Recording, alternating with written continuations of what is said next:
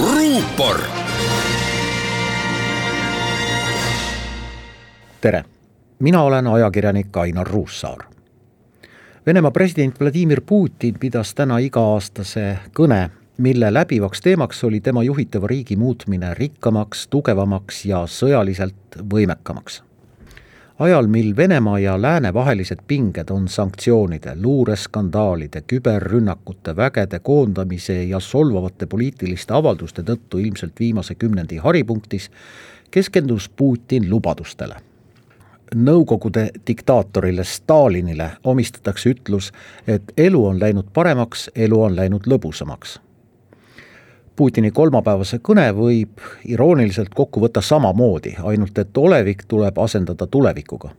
elu läheb paremaks, ilusamaks, turvalisemaks ja lõbusamaks, lubas Venemaa juht. lastega perekondi tuleb rohkem toetada. sündivus peab suurenema. Venemaast saab võimas kaitsekilp võimalike uute ülemaailmsete viirusepuhangute vastu ja selleks kasvab võimekus massilisteks testimisteks ning uute vajalike vaktsiinide kiireks tootmiseks. viirusele vaatamata ehitatakse Venemaale lähiaastatel tuhat kolmsada uut kaasaegset koolimaja, kuhu asub õppima üle miljoni lapse. juba praegu saavad kuuskümmend protsenti kooli lõpetajatest tasuta edasi õppida, Venemaa kõrgkoolides muidugi kindlasti suurenevad sotsiaaltoetused ja õpetajate palgad. kõike seda ja palju muudki lubas Putin juba lähiaastateks, tuues kinnituseks selleks eraldatavad miljardid ja triljonid rublad. väga keeruliselt hoomatavad rahasummad. stopp, aga kuhu jäi Putinile tavapärane kriitika? ähvardused üllatunult küsis Venemaa juht, kuidas on sattunud koolidesse ajalooõpikud, milles ei räägita sõnagi Stalingradi lahingust. Vladimir Vladimirovitš viibutas näppu ettevõtjate suunas, kes kasumiahnuses unustavad looduskeskkonna ja noomis neid enda järel koristama. kõne viimases otsas mainis Putin siiski ka julgeolekut ja kutsus mõnda vastikut naaberriiki korrale.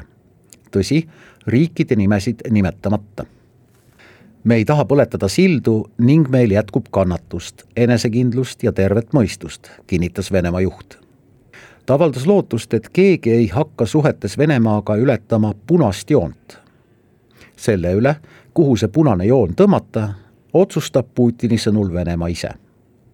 juht kinnitas, et vajadusel on reaktsioon punase joone ületajatele terav ja Venemaa julgeolekuprovokaatorid kahetsevad seda selle kinnituseks loetles Putin uusi relvasüsteeme ja sõjalisi tehnoloogiaid, mida Vene armee üha rohkem kasutab.